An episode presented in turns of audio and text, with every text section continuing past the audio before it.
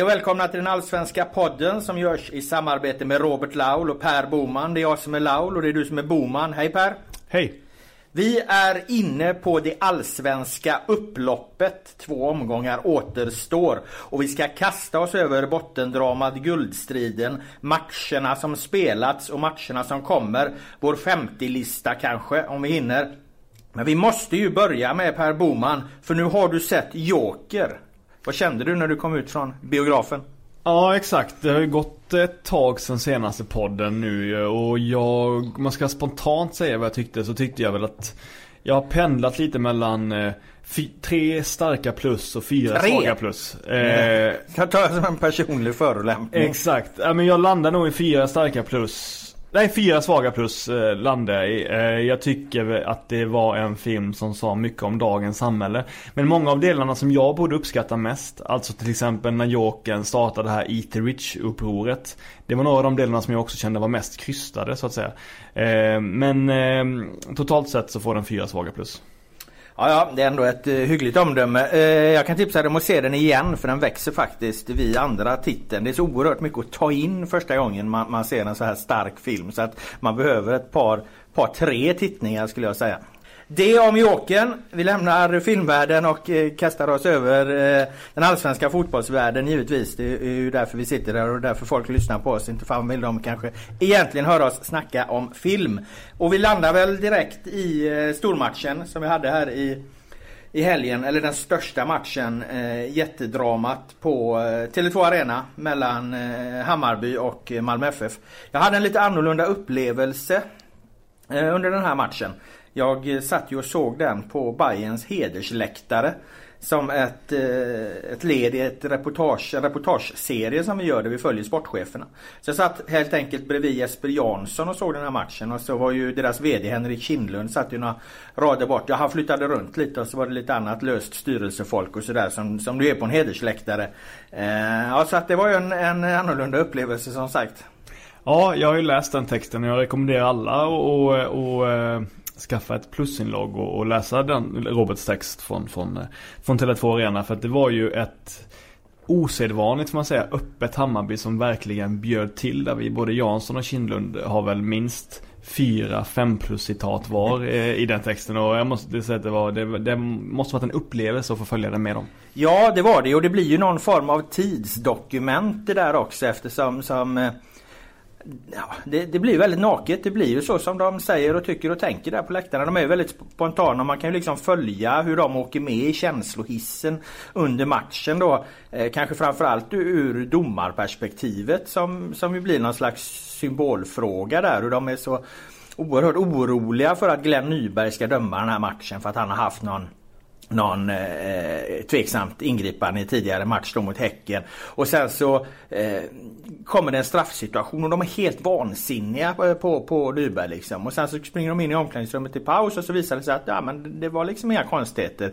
Det var inte nödvändigtvis straff liksom. Det var inte så mycket att hetsa upp sig på. Och sen kommer det i andra halvlek ett eh, ett eh, handsmål för Malmö FF som, som Glenn Nyberg dömer bort. Och då har de ju liksom en halvtimme tidigare suttit och, och sagt att Glenn Nyberg är en domare som måste brösta upp sig mot publiken och, och, visa att han pallar trycket. Och då är de ju nästan förlägna upplever jag liksom. När, när, när de blir ju lite avklädda där. Och hur banal och känslostyrd icke eh, logisk och eh, inte utifrån vad domarna faktiskt gör den här kritiken egentligen är. Genom att liksom följa deras reaktioner på läktarna så, så, så blir det någonstans en, en, en hyllning också till Glenn Nyberg som i en otroligt bra fotbollsmatch med enorm intensitet intensitet med fantastiskt duktiga spelare som utspelar sig på en jättehög nivå och, och, med två lag som gör allt för att vinna så är ju han nästan bäst på plan. Alltså, han, han gör en otrolig domarinsats här, Glenn Nyberg. Så att eh,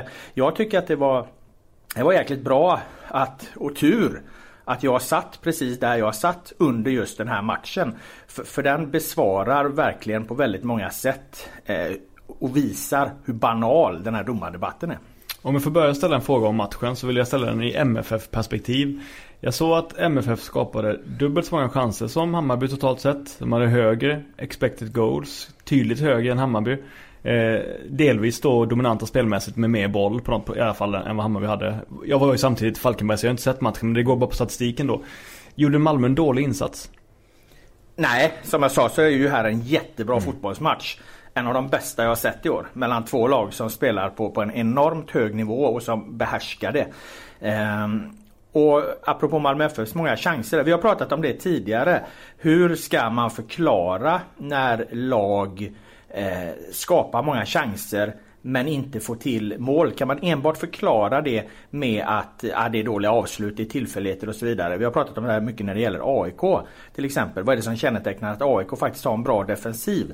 Jo men det finns vissa lag som även när de möter bra motstånd och släpper till målchanser så är de där. De är där och stör. Det blir liksom inga rena avslut. Eh, Malmö är ju så, som sagt så otroligt bra i den här matchen så de skapar sina chanser. Men, men, men de här lägena när Rösler pratar om hur avslutade om de hade, 16 eller vad det var. Mm. Så är det inte så många av dem som är rena. Det är egentligen eh, Rosenbergs friläge är ju en ren målchans och där gör ju Blasevic en fantastiskt fin räddning. Men om man tittar på returen sen som Antonsson får i mål med handen. Så är det ju, är ju Fenger tror jag det är som är där och stör. Och, och hugger lika snabbt på returen. Det är också en kvalitet. Och Bayern är ju då ett komplett fotbollslag. De, de har de två senaste matcherna eh, fått dit den sista pusselbiten vilket är målvaktsspelet. Och, och, det måste man räkna dit. De har under hösten satt sitt försvarsspel. De har idag ett jättebra mittbackspar. De har idag en fungerande defensiv att lägga till eh, Allsvenskans absolut bästa offensiv. Så att de är ett komplett fotbollslag just nu, Hammarby. Kan de försvara sig lågt också? För det är det ja, folk ja. sätter sätt ja, ja. prata om nu, att de lyckas med det. Ja, ja det gör de ju och det behärskar de också. Och det var intressant för när jag satt bredvid Jesper Jansson, man får lite andra perspektiv, så, så ser jag ju i, redan i första första halvlek när de har tagit ledningen att Bachirou får mer och mer boll i Malmö FF. Och istället för att kliva på honom så alltså sjunker man lite och så. Jag frågar Jansson, fan det här är inte riktigt bra eller? Ja men det är inte så jävla farligt säger han för att vi, vi, vi har blivit väldigt trygga i att vara låga. Mm. Och, och, det är ju en sanning, det är de. Sen i andra halvlek, inget lag vill ju spela i eget straffområde. Man måste ju få till perioder då man kan hålla i, i bollen och det klarar man inte i andra halvlek. I, i, i perioder i andra halvlek så, så är ju Hammarby utspelade av Malmö FF. Det måste man också vara ärlig och säga. Men då, har, då är de ändå skickliga på att försvara sig. Det är ingen slump att de liksom i match efter match nu har klarat att försvara sig när de var en man mindre mot Djurgården till exempel. Och att de alltid är där och, och, och stör och skaver. Det är också en, en kvalitet i försvarsspelet som man, som man, inte får ta bort. Och sen är ju 2-0 målet det, det, är ju en, en frispark och Bojanic eh, och där tror jag helt enkelt att Malmö de är så inställda på att de ska framåt så de tänker helt enkelt. Det är inte försvarsspel i det läget. Den enda som går på den där långa bollen är ju lille Lewicki. Den går över honom och så kan Magyar trycka in 2-0 och då blir du helt galet på den där hedersläktaren. Det ska mm. gudarna veta. Mm. Alltså de hoppar ju omkring. Jag menar Jansson lämnar sin plats med flera meter och Kindberg som jag skrev i, i mitt knäck han hade ju mer eller mindre löstes upp i atomer. Alltså det var en enorm glädje när liksom Hammarby Det blir ju någon slags kvitto på deras säsong att nu, nu, nu, nu tryckte de till Malmö FF ganska ordentligt. Ehm, en fråga som jag har som inte har sett matchen då är vilken spelare saknades mest? Var det Christiansen, Tankovic eller Jeppe Andersen? Christiansen skulle jag säga. Malmös, Malmös eh, eh, spel blir ju mycket på fysik alltså. Det är ju tack vare deras liksom fart och kraft som de skapar sina målchanser. Eh, de saknade den eh, lilla briljansen som Anders Christiansen kan stå för. De saknade hans distansskott, att ha det som ett hot, att skapa en ännu större rädsla då till exempel i Hammarby från att bli låga när man vet att, att, mm. att, att eh, Anders Christiansen kan dunka in ett par distansskott. Ah, eh, I, I Hammarby så tänker man ju inte på att eh, att Jeppe Andersson och Tankovic är borta. Mm. Vilket är helt otroligt. De bygger alltså upp ett par anfall längs vänsterkanten. Där man då alltså inte har eh, eh, Tankovic nu. Kasaniklic spelar ju till vänster men det var väldigt mycket positionsbyten också. Och de bygger upp de här patenterade Bayern eh, anfallen längs vänsterkanten. Det är ju så de gör första målet. Och jag har tänkt på det alltså. Jag skriver om det till, i vårt nya eh, pappersmagasin, här, vårt nya helgmagasin Sporthelg till, till nästa vecka. Alltså, har, det, har, har ett, ett, ett allsvenskt fotbollslag spelat en anfallsfotboll på den här nivån någonsin tidigare? Alltså jag var tvungen, jag började mässa med Kalle Karlsson om det, han är ju fotbollstränare. Alltså, och han svarade, han ser ju inte allsvenskan, följer ju inte allsvenskan så noga och framförallt inte gjort bak i tiden. Men han har aldrig sett ett lag anfalla på det här sättet med den här kvaliteten i den här farten. Och när då två bärande spelare, Jeppe Andersson och Tankovic försvinner så förstår man att det är systematik snarare mm. än, än, än, bara individuell briljans. Mm. Jag säger inte emot dig men man måste ändå försöka inte bli historielös då. Jag tänker Malmö 2010 hade ju ett avancerat passningsspel. Mikael Bonos som felfotad högerback. Det var Ilohan Ahmad framför. De hade Jimmy Durmas. Det var, det var väldigt många bra spelare och Malmö spelade väldigt bra fotboll i året. Och på och på gräs dessutom. Jag säger inte att det är att Hammarby kan inte göra någonting. Jo det kan de göra men det är inte Hammarbys fel. Det är inte spelarnas fel att de spelar på konstgräs liksom. De kan ju bara göra så bra det de kan göra utifrån de förutsättningarna och de gör det otroligt bra. Men mm. jag skulle säga att eh, Malmö 2010 spelade otroligt bra fotboll. Och Elfsborg har spelat väldigt bra fotboll i perioder på konstgräset och som varit avancerade. Jag vet inte om de har varit lika avancerad som, som, eh, som Hammarbys eh, i år då. Norrköping 2015 tycker jag hade perioder där de var hade en otroligt hög eh, speltäckningsnivå.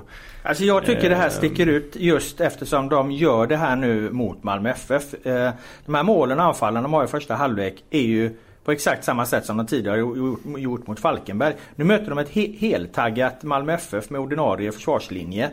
Samlade, samlade och ändå liksom sl slår de ut dem också. Mm. Och det, det har inte jag sett tidigare. Ett lag göra. Du har inte sett ett lag slå ut eh, ett annat topplag? Eller Nej, spela, spela ut ett annat topplag på det sättet? Inte på det sättet. Att kunna ja. göra det på exakt samma sätt som du slår ut eh, bottenlagen? Jag har inte förberett mig på den, här, på den här frågan och jag respekterar att du, att du tar ett steg ut i liksom, vad ska man säga, ett, ett, ett vad säger man, leap of faith på något sätt liksom och, och kör på. Men eh, på rak arm så var det ju de förslagen jag hade på lag som skulle mm. kunna utmana om man spelat väldigt bra. Men det är klart att Hammarby slår ju målrekord i år liksom. Så att, eh, ja det kommer de att göra. De är uppe på 69 mål nu så de kommer väl göra åtminstone två till. Precis, så att jag menar det, det, på det sättet så har du, har du helt rätt. Men, men eh, eh, nej, det, det, det kan stämma absolut.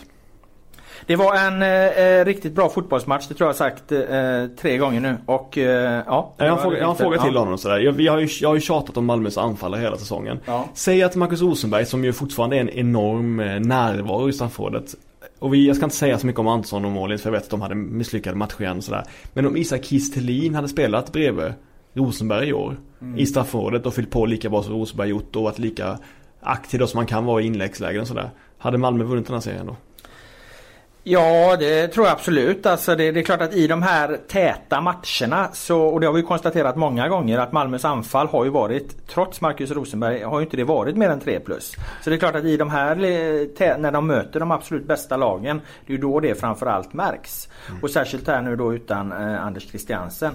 Eh, jag menar Rosenberg är ju många delar jättebra. Det var också en intressant eh, inspel som Jesper Jansson som jag satt med då hade. Eh, när, när han liksom tittar på, på och gjorde mig uppmärksam på att, hans, att Hammarbys backlinje, titta nu, nu har de tappat bort Rosenberg liksom. Mm. Eh, noterade Jansson innan någonting hände. Och så ser man att Magyar tittar boll och, och Rosenberg står och smyger bakom. Kommer inlägget, når inlägget fram kommer Magyar inte ha en aning om, om var han har Rosenberg. Och på ungefär ett sånt sätt dyker han sen upp och får sitt friläge och, och då gör ju Blasevic eh, den här eh, fina räddningen. Men, men det är klart att eh, i de här matcherna, ja då märks det ju att Malmö FF faktiskt bara har en, en fungerande eh, forward och inte ens Marcus Rosenberg eh, räcker ju till där. Eh, men jag, jag vidhåller, jag håller fast vid min analys som jag haft hela säsongen.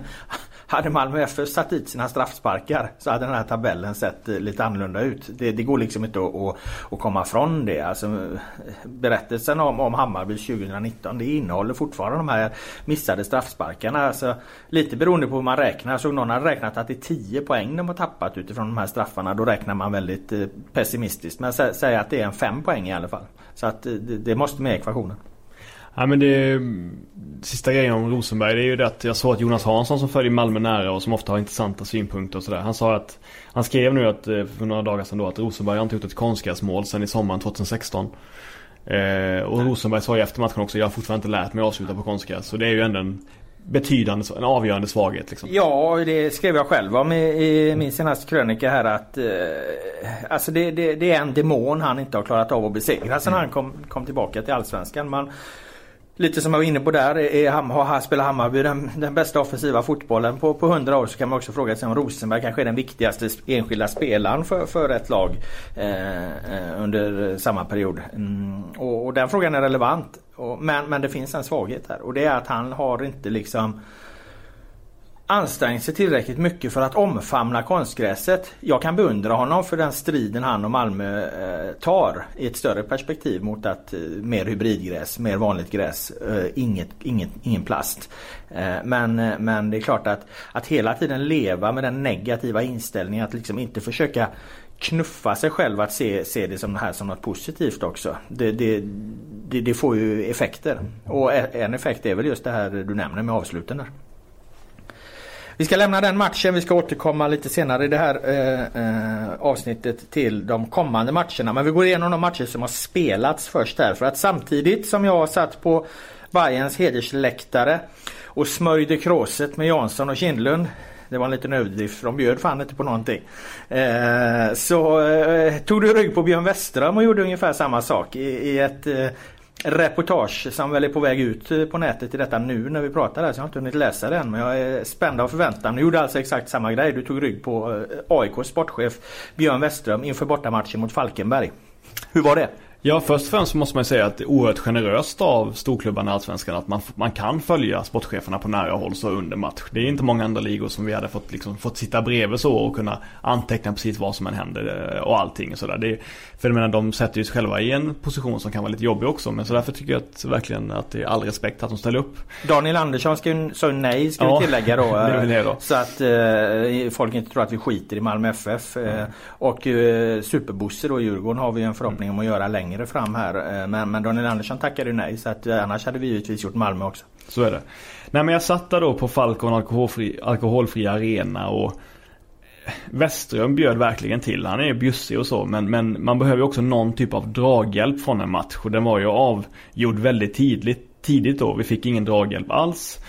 Och eh, vi satt där rätt tysta andra halvlek jag och jag och Westström liksom och hummade mest för att det stod liksom 3-0 till, till, till, till AIK. Och, och eh, samtidigt som jag märker att fan jag har inte så jävla mycket att skriva om just nu eller fråga om just nu. Då får jag ett, ett sms från Robert Laul då. Eh, som är i princip då, jag parafraserar. Det är otroligt på Tele2 Arena. Allting kokar. Jag har minst tio bra rubriker.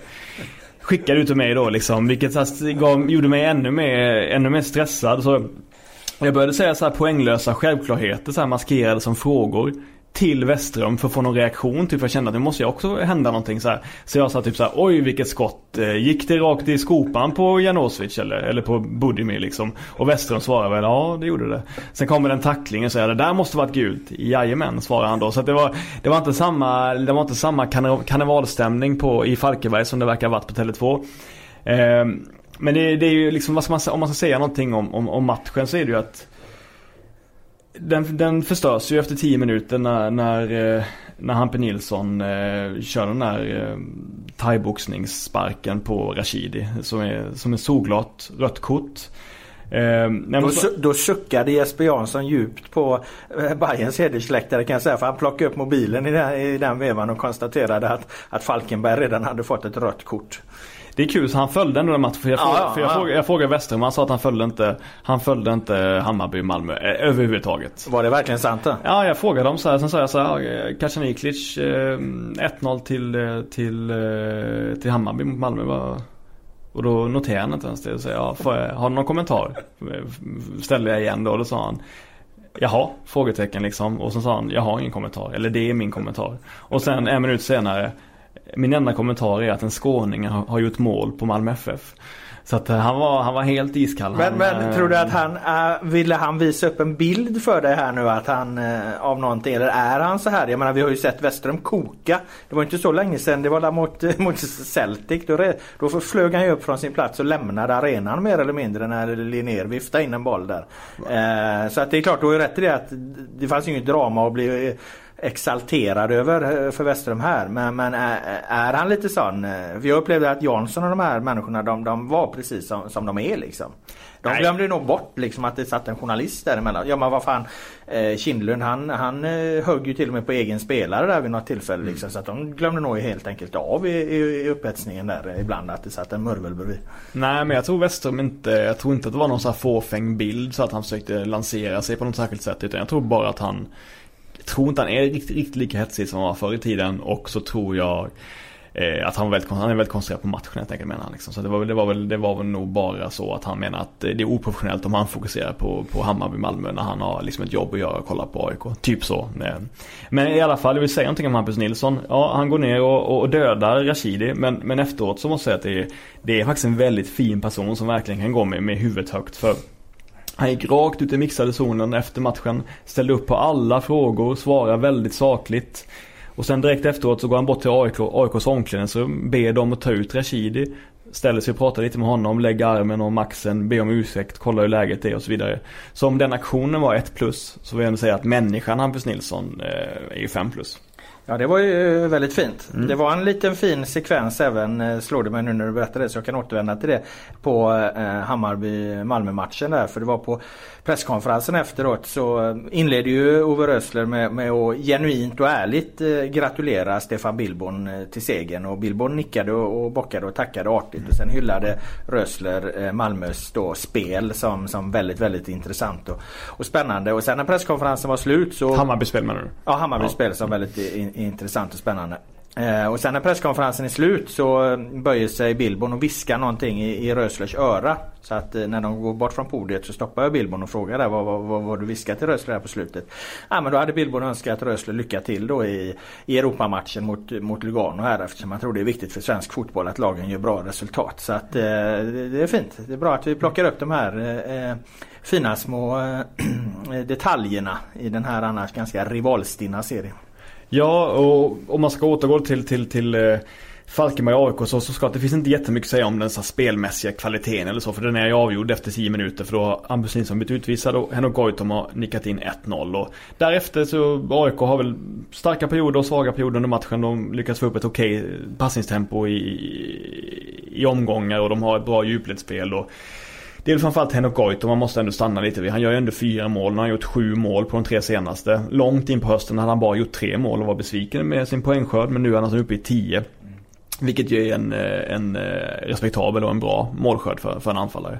Eh, men det var lite kul för under matchen så, så, ehm, så ställde jag ju frågor till Westrum om Goitom då. Först gjorde han ett mål och då sa jag Ja men eh, nu gör jag ändå mer och mer mål Goitom. Ska han inte Ska han inte få ett kontrakt nästa år liksom? Och, och, och så, så, så, sa eh, Westrum att nej men alltså jag kan liksom inte, det är inte matchens lirare jag ska ta ut nu inför nästa år utan jag måste ju kolla på helheten och hur bra han är, hur bra han är, eh, hur bra han kan vara nästa år när vi ska liksom förhoppningsvis spela Europamatcher och sådär och eh, jag kan, då sa jag så, så du kan inte bara kasta ett kontrakt i ansiktet på honom när han gör bra ifrån sig mot Falkenberg.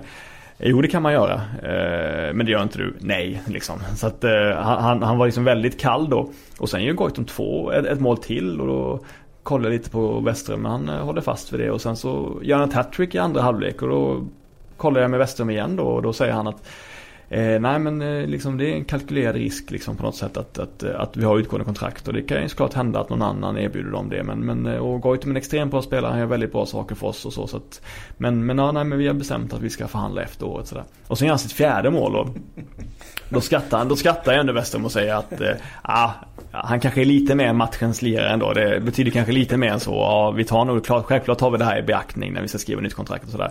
Men han vill ju inte säga rakt ut att Goitom får nytt kontrakt. Så att jag tror ändå att det kan nog vara ganska hårda förhandlingar som, som väntar. Men Goitom var, det var inte bara målen utan jag tycker att han såg piggare och fräschare ut än på länge. Han hade liksom ett stuns i steget. Ett, en fart i sig och en vilja att ta sig an backarna. Inte bara genom att spela targetspel eller finta förbi dem utan liksom springa förbi dem. Att liksom med kraft eh, ta sig runt sin motståndare. Så att han hade en helt annan fysik än vad jag har vant mig vid, vid den här säsongen. Så att han var bra.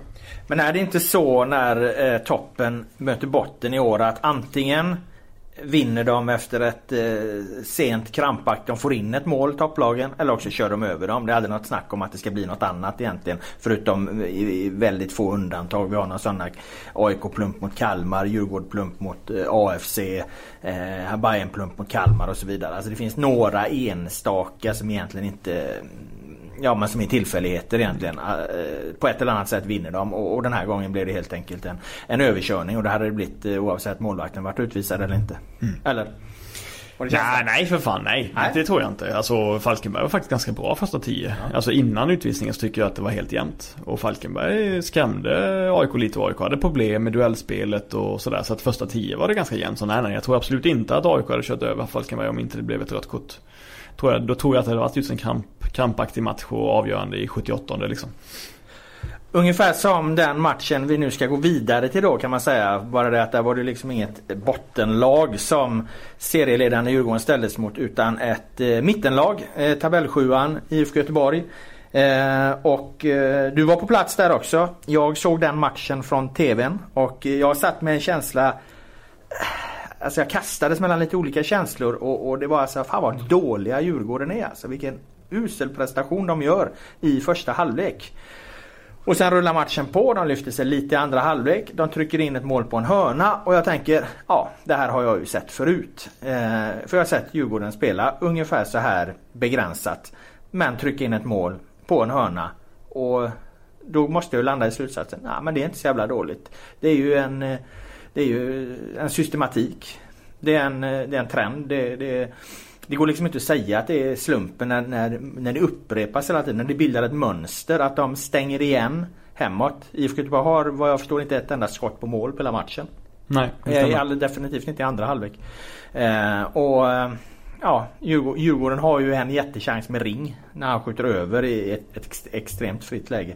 Så de har ju egentligen eh, chanser. Och så trycker de då in ett mål på hörna igen. Och, och då är det bara andra sätt att vinna en fotbollsmatch tänker jag. De gör det framförallt genom sin defensiv.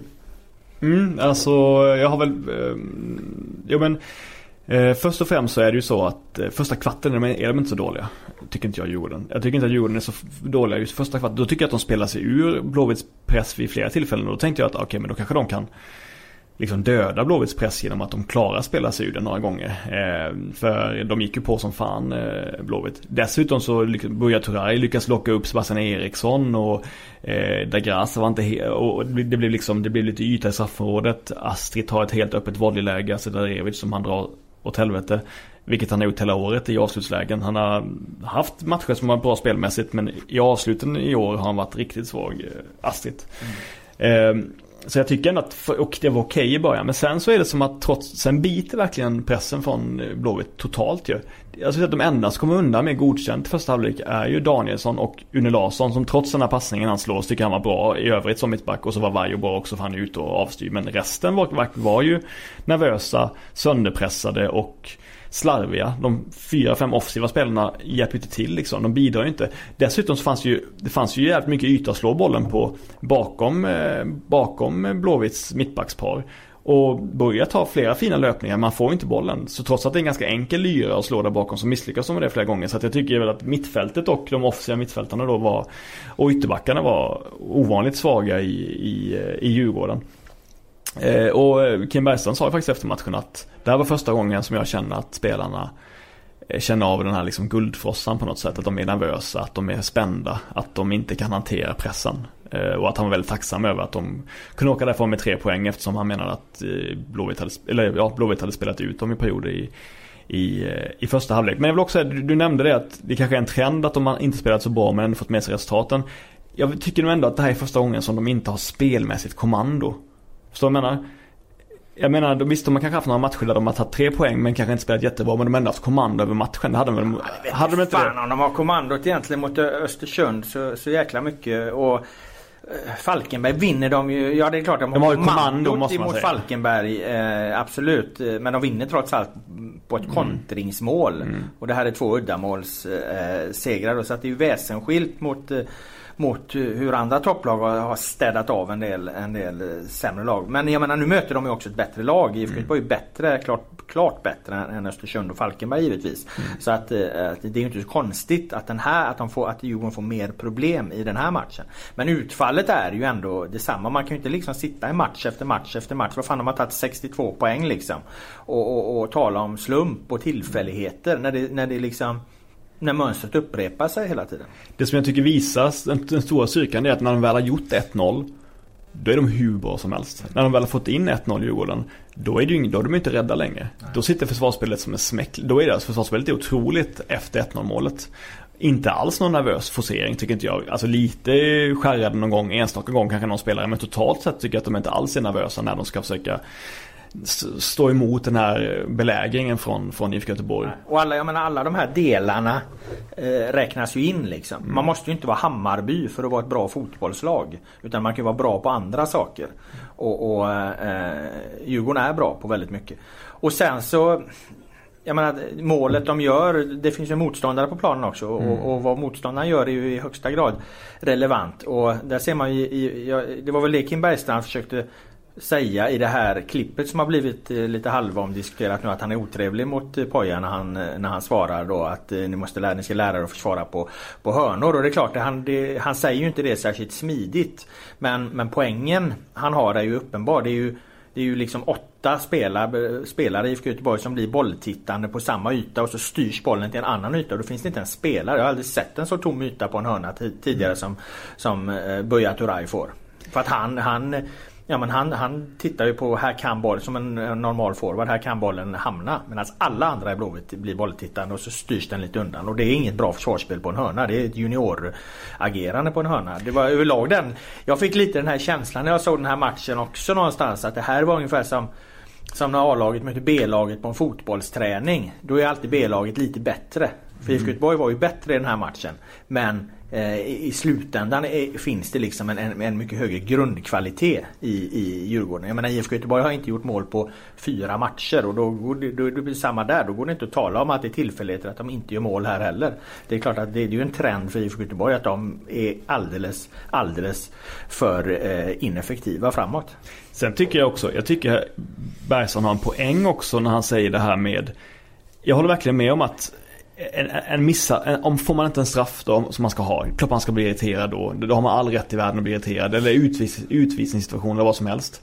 Men att några får med sig en felaktig hörna som sen blir ett mål. Jag håller med Kim Bergstrand om att man kan tycka att det är jobbigt att man får en felaktig hörna mot sig. Men det är ändå ganska långt ifrån att få en hörna och sen är bollen i mål. Man har faktiskt chansen att försvara sig på en hörna. Och en felaktig hörna är ingen katastrof och det är ingen skandal. Så jag, jag förstår att han reagerar på just det här med att ja, de fick en felaktig hörna. Det, det, är ingen, det, är ingen, det, det, kan inte vara en stor grej. Det tycker inte jag i alla fall. Nej, det var precis samma som eh, Hammarby mot Häcken den här matchen som Hammarby liksom har hängt upp sig på. Då, då är det liksom, då är de jättearga för att eh, jag tror det är Solheim som drar på sig en frispark ute vid, vid, vid sidlinjen som egentligen är en helt eh, meningslös duell som ingen någonsin tänker på. Men så blir det liksom en allvarlig konsekvens av det. Men, men konsekvensen har ingenting liksom med felaktiga domslutet att göra. Men man tillskriver ett sånt oerhört värde fastän det, det, det är ett, liksom en, eh, ett beslut som sker hela tiden. Och lite, lite så är det med det här också. Det är inget jättestort misstag. Sen har det väl kommit fram bilder på den där eh, offside situationen. Var det så jävla tydlig offside ens? Ja men det var offside. Var, var, bollen eh, ligger. Och det, den är ganska svår att se liksom. Jag tror inte att IFK Göteborg-spelarna klagar väl vi, var vi, var, Sebastian då, Eriksson klagade. ja men då när det sker. Ja jag tror det absolut. Ja, ja det tror jag att han gjorde. Ja, det tror jag. Hela IFK Göteborg är väl inte medvetna om att det där borde varit offside. Nej, nej. Det, det, tror jag, så tror inte jag de, de tänker där liksom. Eh, men, men i övrigt håller jag helt med dig och jag håller också med, med Bergstrand. Det, det blir liksom Det går liksom inte att, att hänga upp det på, på sådana detaljdomslut hela tiden. Visst straffen kan jag förstå att man tycker är, är, är felaktig såklart. Där, där, skulle han ju dömt straff. Det är inget snack om det. Och det, har, det håller ju alla med om också. Och det, håller ju alla med om så det är inte heller någon diskussion liksom. Nej. Så att, eh. Nej men eh, andra halvlek överlag. Jag ska inte säga att liksom, Djurgården var, blev ju klart bättre andra halvlek. Men det var ju en otroligt böljande andra halvlek. Där lagen liksom bytte chanser 50-50 i alla fall. Djurgården hade, Djurgården hade hetare chanser men de bytte liksom Eh, anfall med varandra kan man säga i den andra halvleken. Och, eh, så Djurgården spelade upp sig lite men de, de spelade upp sig till den nivån att de var ungefär lika bra som Blåvitt mm. efter paus. Men, eh, men eh, överlag får man ju säga att det, det här var väl den det här känns ju som den, den tyngsta segern på väldigt, väldigt länge. Nu, nu räck, räcker det då inom situationstecken med, med eh... Har du nytt jobb på G? Kul! Dags för löneförhandling, tänker du. Dags för tjänstepension, tänker vi. För kom ihåg att tjänstepensionen är en stor del av det du ska leva på när du slutat jobba. Kolla in varför tjänstepension är så viktigt på skandia.se. Hej! Det här är Anders från Deportis. Jag tänkte bara stjäla er uppmärksamhet en kort sekund och berätta att vårt nya album All Future just är släppt och finns att lyssna på i detta nu. Frågar ni mig så ska jag säga att det vore en fruktansvärt bra idé. Gör det.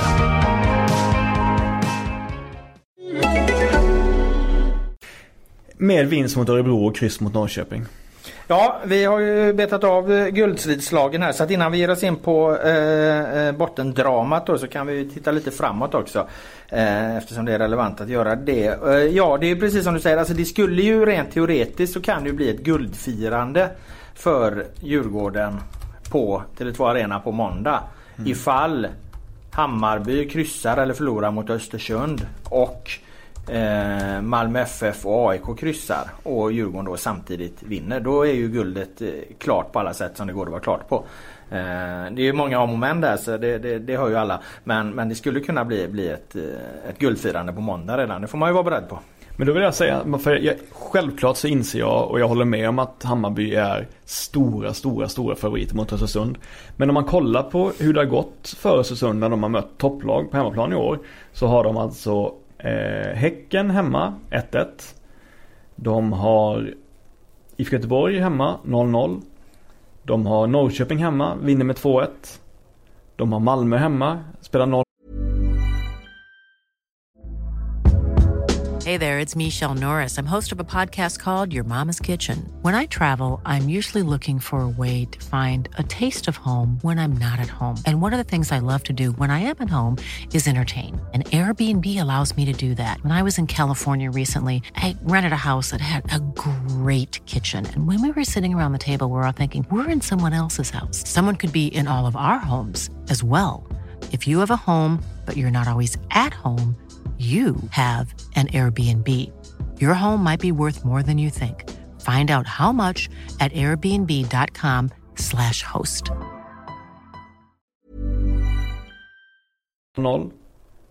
De har AIK, förlorar med 3-1 men är lika bra som AIK den matchen. Ett sent avgörande. Eh, ganska mycket otur. Östersund gör en bra, en bra insats. AIK har tur som vinner matchen skulle jag säga.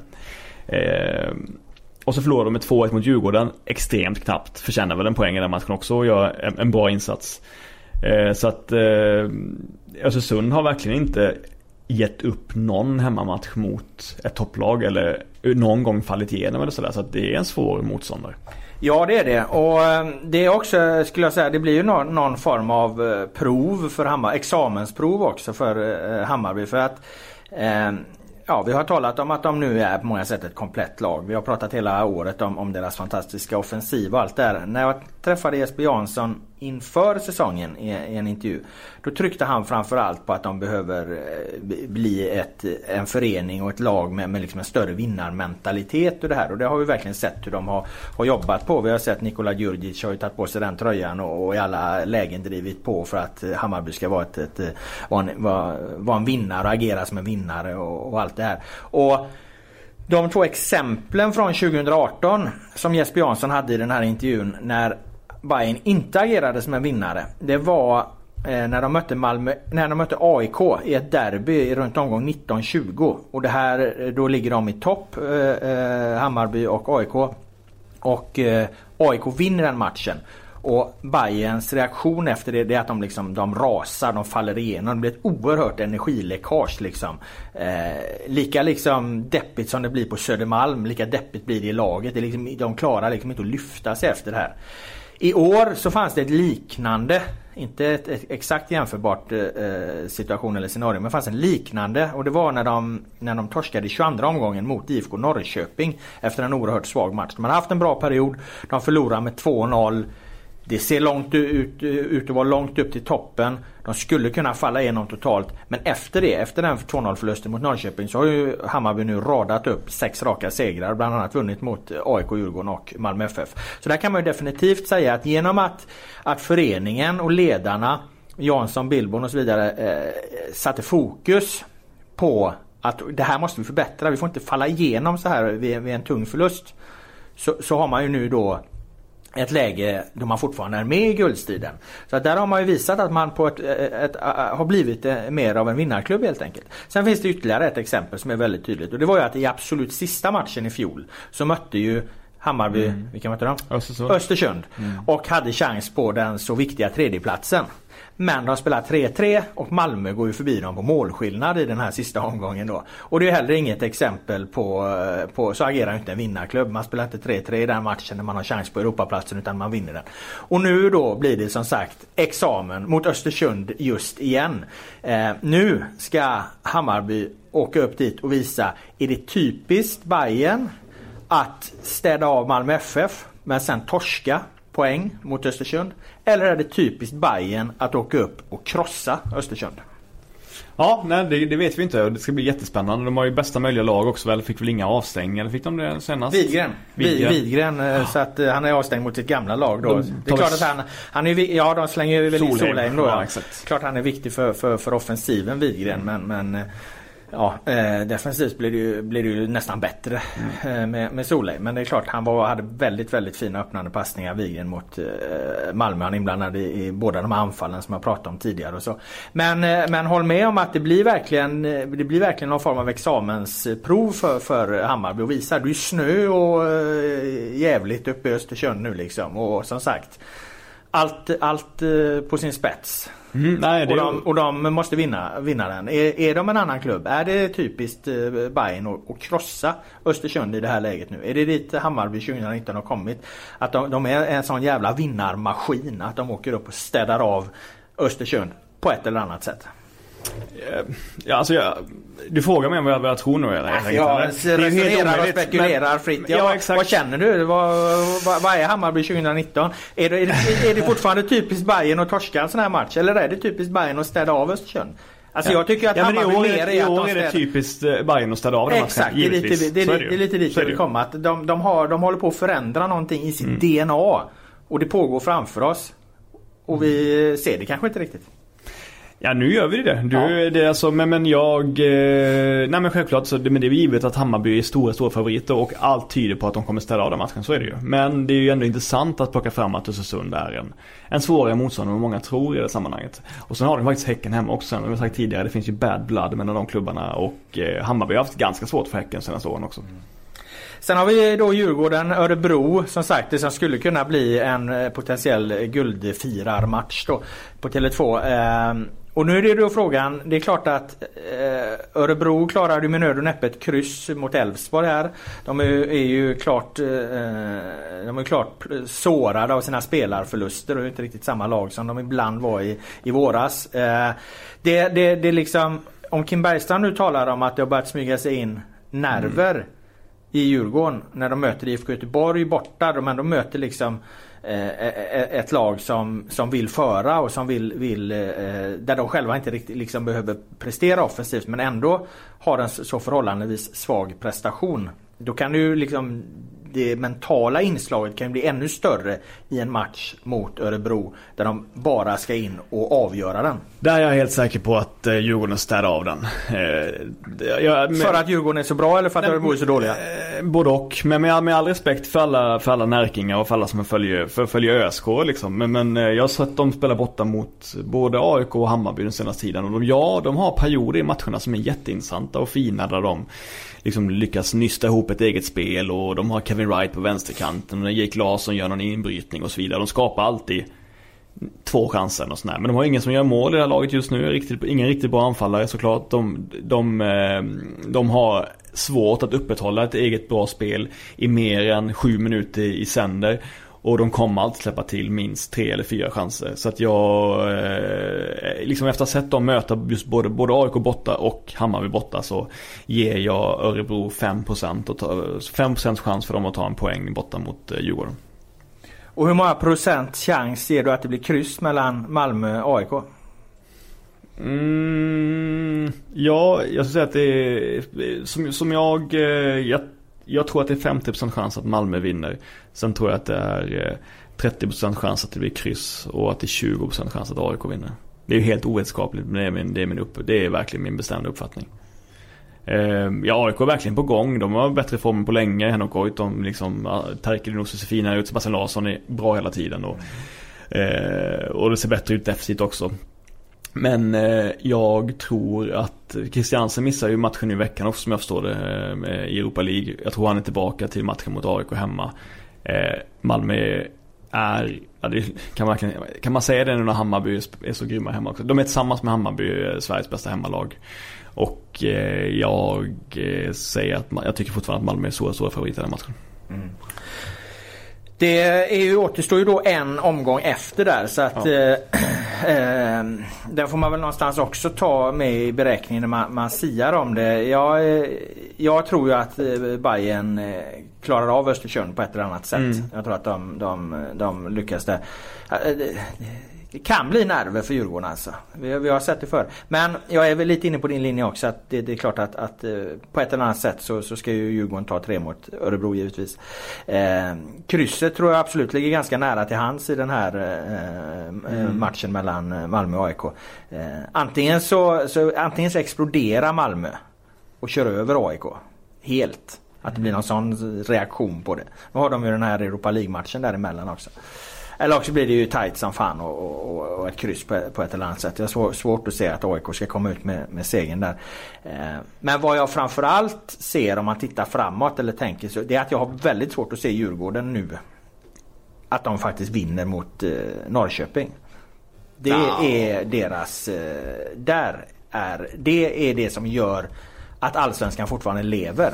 Du menar att eh, men ett kryss räcker ju också å andra sidan? Ett, ett, ett, ett, kryss räcker ju om de har slagit mm. Örebro. Därför blir det ju så eh, mm. den matchen så oerhört viktig. Men, men, men för mig, eller jag tror inte att allsvenskan är avgjord. Jag tror fortfarande att Hammarby vinner allsvenskan. Jag tror att de tar den på målskillnad. Eh, för jag har väldigt svårt att se att... Jag, tror inte, jag tror att Djurgården vinner mot Norrköping. Inte, inte, inte utifrån prestationen. Prestationen mot IFK Göteborg kommer inte räcka mot Norrköping borta.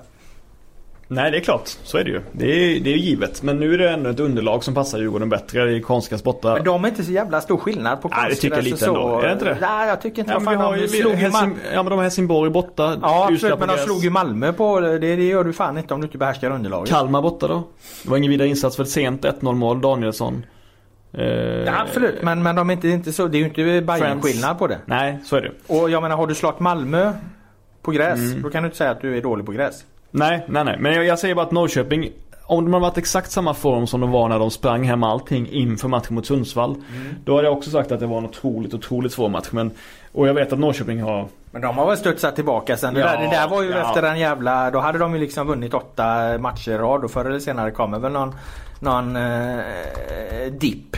Sen mm. har de väl åkt tillbaka här nu på vinnarspåret igen. Mm. Eh, jag tror att det är en oerhört svår, svår match för, för Djurgården utifrån eh, liksom, den prestationen de når upp till nu i, i, i matchen. Visst, de har den här förmågan som vi pratade om att, att eh, ändå vinna. Men nu möter de som sagt Norrköping. Ja. Jag menar, Norrköping är, är, alltså jag såg ju Norrköping mot Malmö när de rev upp jo, och spelade på den. Alltså Norrköping är ett fruktansvärt bra fotbollslag. Men menar och det är det jag menar, det, det, det, det, är bara på den matchen. Det är ju bara den matchen som gör att guldstriden lever fortfarande. Annars hade det inte mm. varit något snack. Annars hade ju, annars hade Djurgården i princip kunnat ta sin, sin guldfest redan nu. Ja. Men det är ju för att den är jävligt oviss. Men menar du alltså att Norrköping favoriter hemma mot Djurgården?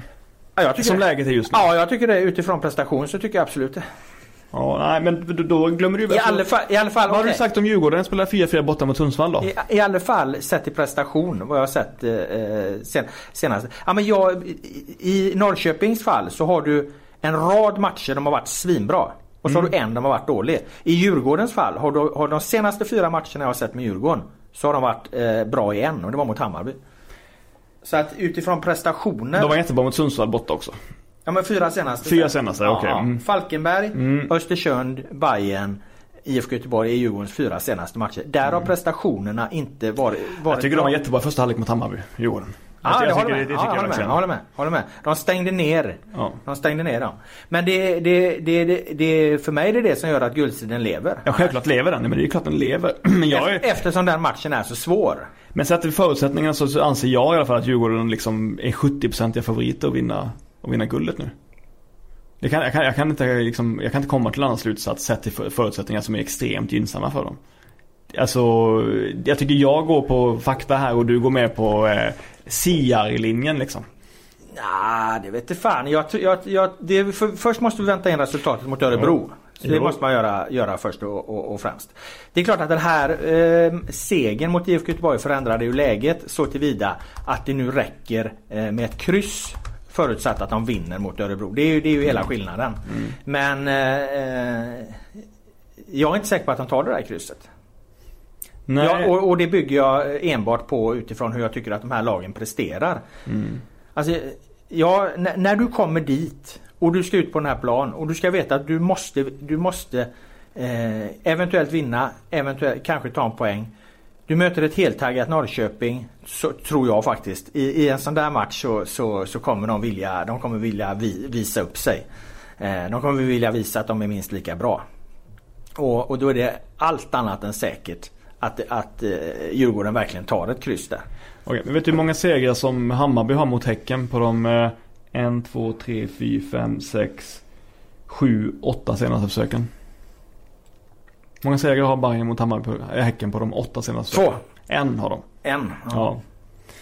Uh, men jag, jag, jag, menar, jag menar, det är en jättesvår match också. Häcken är en jättesvår match att avsluta med. Mot, mot, även om det är på hemmaplan på Tele2 inför en fanatisk publik som kommer att försöka sjunga hem guldet. Så, ja. så har de ändå killar som Erik Friberg och, och Rasmus Lindgren och spelare som inte kommer ge upp tror inte jag i alla fall. Eller liksom bara låta Nej det är möjligt. Det är möjligt. Men, men jag såg, eh, jag såg eh, Helsingborg Helsingborg i Häcken här nu. Mm. Och det var inte särskilt imponerad av eh, Häcken, det kan jag inte säga, sett till deras prestation. Mm. Eh, nu får de ju Abubakar utvisa då Helsingborg så att då blir det en bekvämare resa för dem, eh, Häcken. Men innan de gör 1-0 på deras straffmål så har eh, Helsingborg, de har boll i ribban, de har Holgersson av alla människor har väl typ två frilägen mm. och Max Svensson har ett.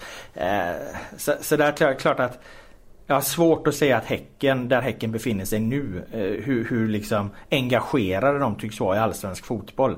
Med mm. Paulinho som för fan redan har skrivit på på en annan klubb. Jag väldigt, jag, om du pratar i procent, mm. jag säger det är 90-10 att Hammarby vinner den här matchen. Och jag skulle säga att Norrköping-Djurgården är en 50-50 match. Men, men, men, menar du att Hammarby favorit, eller du har en känsla av att Hammarby kommer vinna eller menar du att de är favoriter till att vinna guldet just nu? Jag går, Bayern... går, går, du så långt till och med? Jag, jag tror Bayern vinner. Ja. Jag tror Bayern vinner. Jag håller fast vid det. Mm. Lacktips ligger. Ja, det hedrar dig. Ja. Eh, ska vi släppa guldstriden där? Och jag tror att Kindlund har ju rätt någonstans när han säger eh, bayern vdn där. Eh, har ju rätt någonstans när han säger att eh, Malmö och AIK får göra upp om tredjeplatsen. Ja men vad är det nu? Ska vi kolla? De har exakt samma målskillnad förutom att Hammarby har ut fler mål än Malmö. Ja. Eh, jag ser ju framför mig att, att Malmö slår, eh, slår eh, visst Djurgården kan tappa mot Norrköping men jag kan ändå se framför mig att Malmö slår AIK med 1-0 och sen spöar Örebro med 5-0 bort ja, så kan absolut Så att det finns liksom inte, då kan ju även Malmö slinka förbi i slutändan. Så kan, så kan det bli. Mm. Men då ska de först klara av AIK. Om vi säger så, om de slår AIK. Ja då, då, då tar du upp Malmö rejält som, eh, som eh, guldkandidat igen då? Alltså riktigt, riktigt, riktigt. Absolut, ja. om, om, om Malmö. Ja absolut. För att jag som sagt jag är inte lika övertygad om att Djurgården klarar Norrköping som, som, som du är. Så, så, det, det, det, det är det allting handlar om. Så att jag menar vinner Malmö mm. mot eh, AIK så kan man ju inte räkna bort dem heller just för att det blir en målskillnadshistoria. När vi säger det, säg att både, både Malmö vinner, Malmö slår eh, eh, AIK med 1-0 och Hammarby slår ÖFK med 1-0. Vilka, är, vilka har störst chans att vinna av Malmö och Hammarby då? Skulle du säga? Utifrån resultat i, utifrån, utifrån, resultat i sista matchen. Ja, exakt. Och då har Malmö... Örebro borta. Ja. Ja då skulle jag säga att ja, då är det ju en ren målskillnadsaffär. Men då är det ju 60-40 till, eh, till Bayern eftersom Bayern då har fler gjorda mål. Så att även om de skulle hamna på lika mm. målskillnad så mm. vinner Bayern av den anledningen. Just så att då, det, håller jag, då håller jag Hammarby som 60-procentiga favoriter mot Malmö FF. Ja, bra att veta.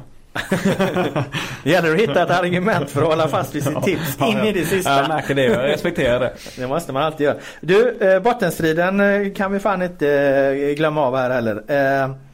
För att det hände ju definitivt grejer där i, mm. i den här omgången. GIF Sundsvall eh, misslyckades ju med att ta poäng i Eskilstuna och sen vann Östersunds FK sin första match. När fan var, var det sen?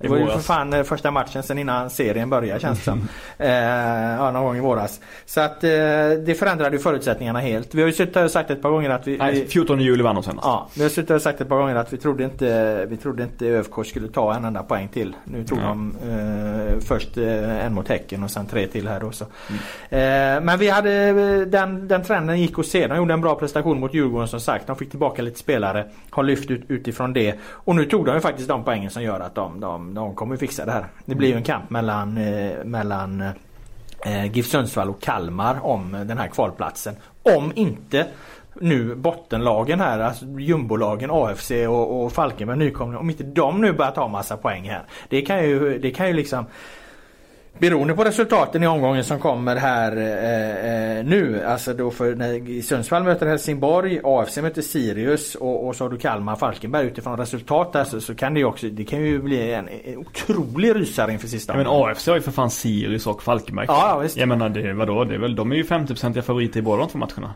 50% favoriter, de har 50% chans i båda de två matcherna. Ja absolut har de det. Ja. Så att, eh, och det är det jag menar, börjar de ta poäng också så, så kan du helt eh, omkullkastas. Så att det, det, det kan ju bli en jävla rysare där också. Men, men eh, oaktat det. Eh, ingen kommer förmodligen komma upp i 25 poäng som ju eh, Östersund fick eh, tack vare den här segern. Så att eh, eh, den räddar ju Östersund sportsligt. Sen får vi se hur det går ekonomiskt där efter, när, när allting ska räknas ihop och skatteskulder ska vara betalda och, och allt vad det är. Men sportsligt har de löst det. Jag undrar, undrar om inte det här sänker Sundsvall. Nu måste de ta tre poäng mot Helsingborg. Mm. För de kan ju inte, de måste, de måste ju räkna med att, att AFC kan ta tre poäng i någon av matcherna i alla fall. Ja. Så att, ja, det, just det här, det var en enorm missräkning. enorm alltså, missräkning. ja, alltså den var ju en fruktansvärd smäll för dem. Ja. Vi hade ju planerat att vi skulle åka upp till Sundsvall och, och göra ett långt reportage om Tony Tiger där. Han, han kom in från, eh, från väst och, och, och räddade Sundsvall och så torskade de med, med 1-0 mot, eh, mot AFC istället. Nej, den var var ju blytung den förlusten såklart. Mm. Nej, och det, och det var den matchen de skulle vinna liksom. Så att, eh, nej. Eh, du, du, du, du, du. Jag skulle säga att AFC har större chans Nästan större AFC har större chans att, att klara sig kvar på, re- alltså utan kval än vad, än vad, än vad Sundsvall har just nu. Ja, AFC, men AFC, eh, AFC, möter ju, AFC och Falkenberg möts ju i den Precis. sista omgången. Det är också välregisserat. I det är ju en Falkenberg omvänd, gräs, ja. det är ju en omvänd, eh, en omvänd eh, Blåvitt AIK 2009 match det där. Mm. Eh, Falkenberg har ju de har, Falkenberg har ju nio mål sämre än Eskilstuna så att de, de behöver ju typ vinna båda Falkenberg. Ja, och som sagt utifrån de resultaten i den här omgången eh, så, så kan det ju bli en, en, en helt galen bottenrysare också.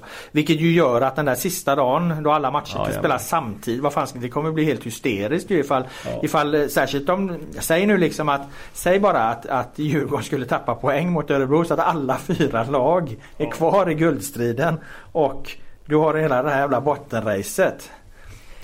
Vi får anställa nytt folk för fan för att kunna täcka, eh, få ihop Ja. bevakningen här.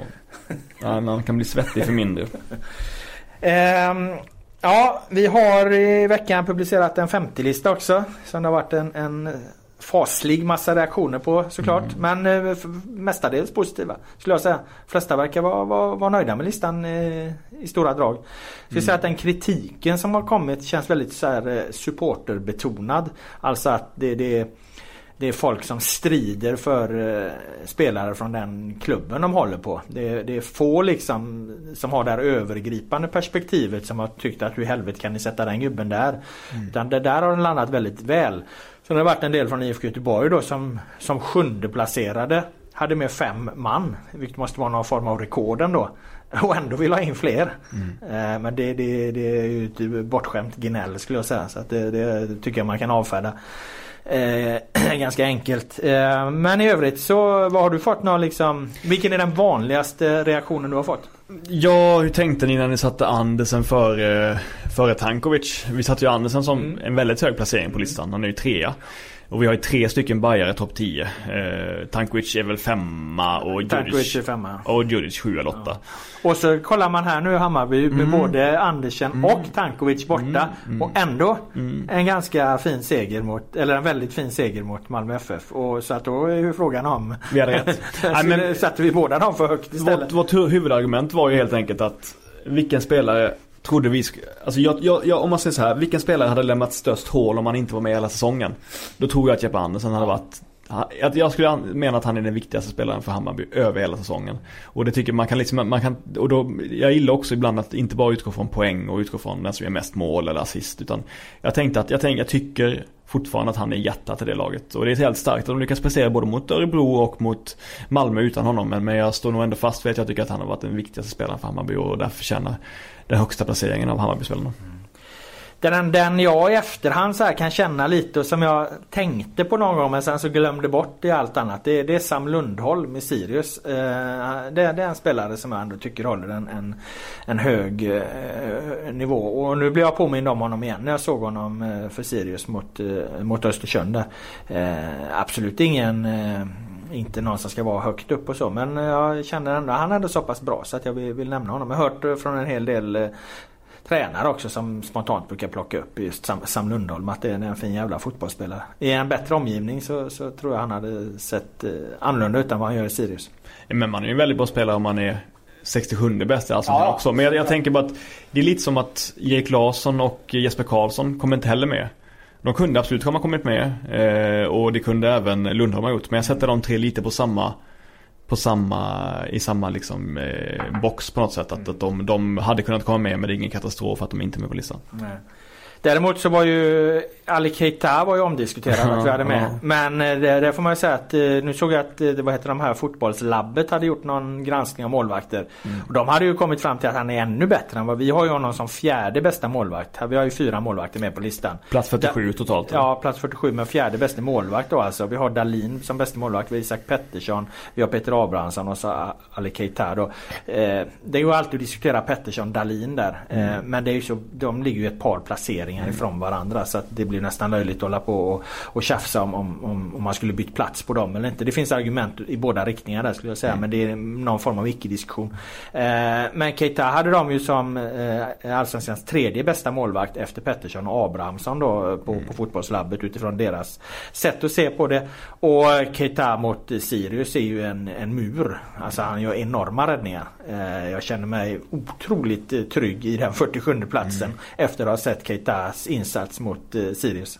Vi kan också säga, vi kan ju konstatera att det har varit ett väldigt bra målvaktsår i Allsvenskan. För Anessis har såklart varit jättebra och jätteviktig för IFK Göteborg. Och hade liksom kunnat ta en plats på listan ett normalt år.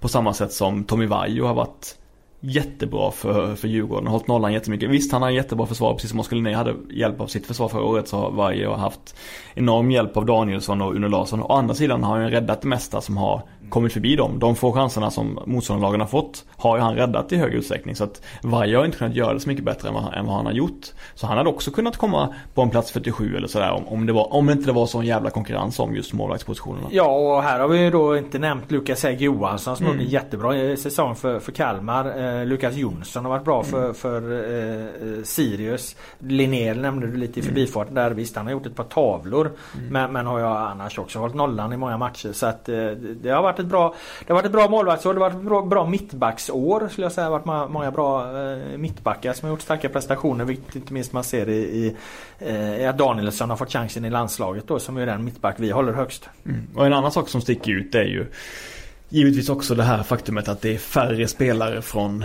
från Eh, Eh, de sju sämsta lagen än vad det brukar vara. Vi, alltså, folk tror ju ofta då att ja, men ni är storstadsfixerade, ni är stor, storlagsfixerade, ni ser inte dem.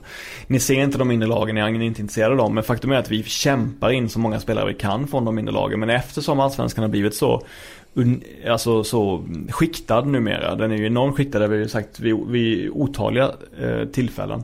Eh, det gör ju att de sju bästa lagen eh, får med nästan alla spelare. Jag tror de har med 45 av spelarna och sen är det fem eller sex spelare från de, från de andra lagen.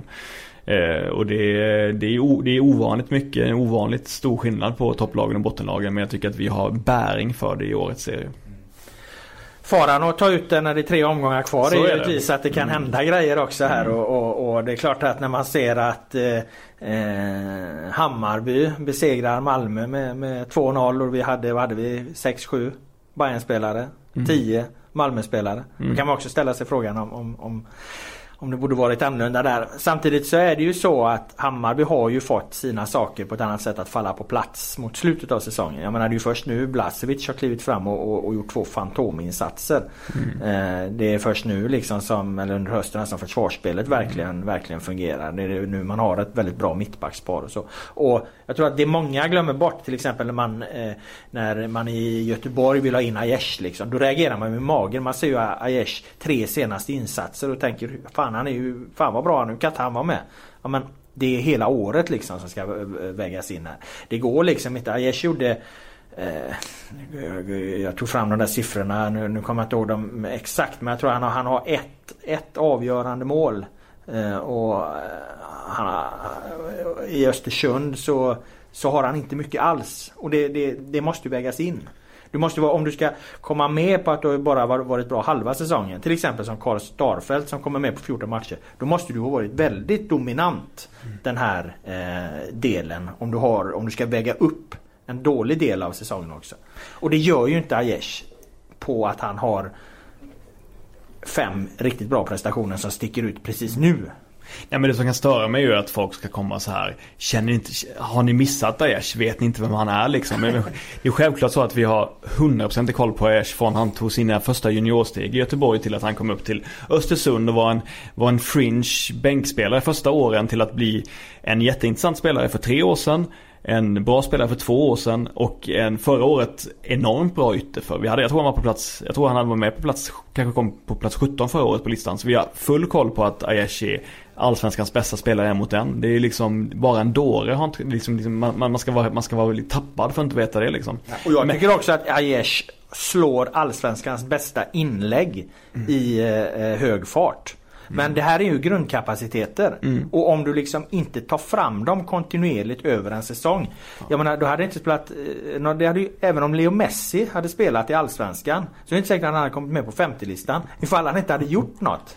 Nej, jag menar om Leo Messi hade gått runt och spelat dragspel på planen istället för att lira boll. Mm. Då kommer vi inte med Messi på listan för att han har varit världens bästa fotbollsspelare 2018, 17, 16, 15, 14, 13, mm. 12, 11, 10. Det, det, du kommer inte med på, på någonting du har gjort innan. Nej. Det är ju enbart vad du gör över hela året 2019 som det här eh, går efter. I Allsvenskan. I Allsvenskan. Precis, mycket bra. Med de orden så stänger vi igen butiken för den här gången. Eh, jag tackar dig Per Boman för att du kom hit med eh, kloka åsikter och synpunkter som vanligt. Tack till alla er som har lyssnat och den allsvenska podden är tillbaka nästa vecka.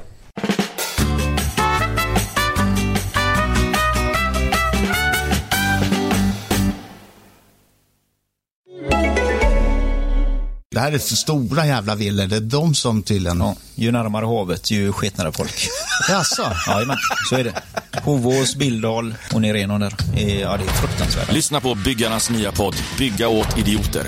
Där hantverkare berättar historier om märkliga kunder. Finns där poddar finns, vi är Beijer och vi bygger dem som bygger.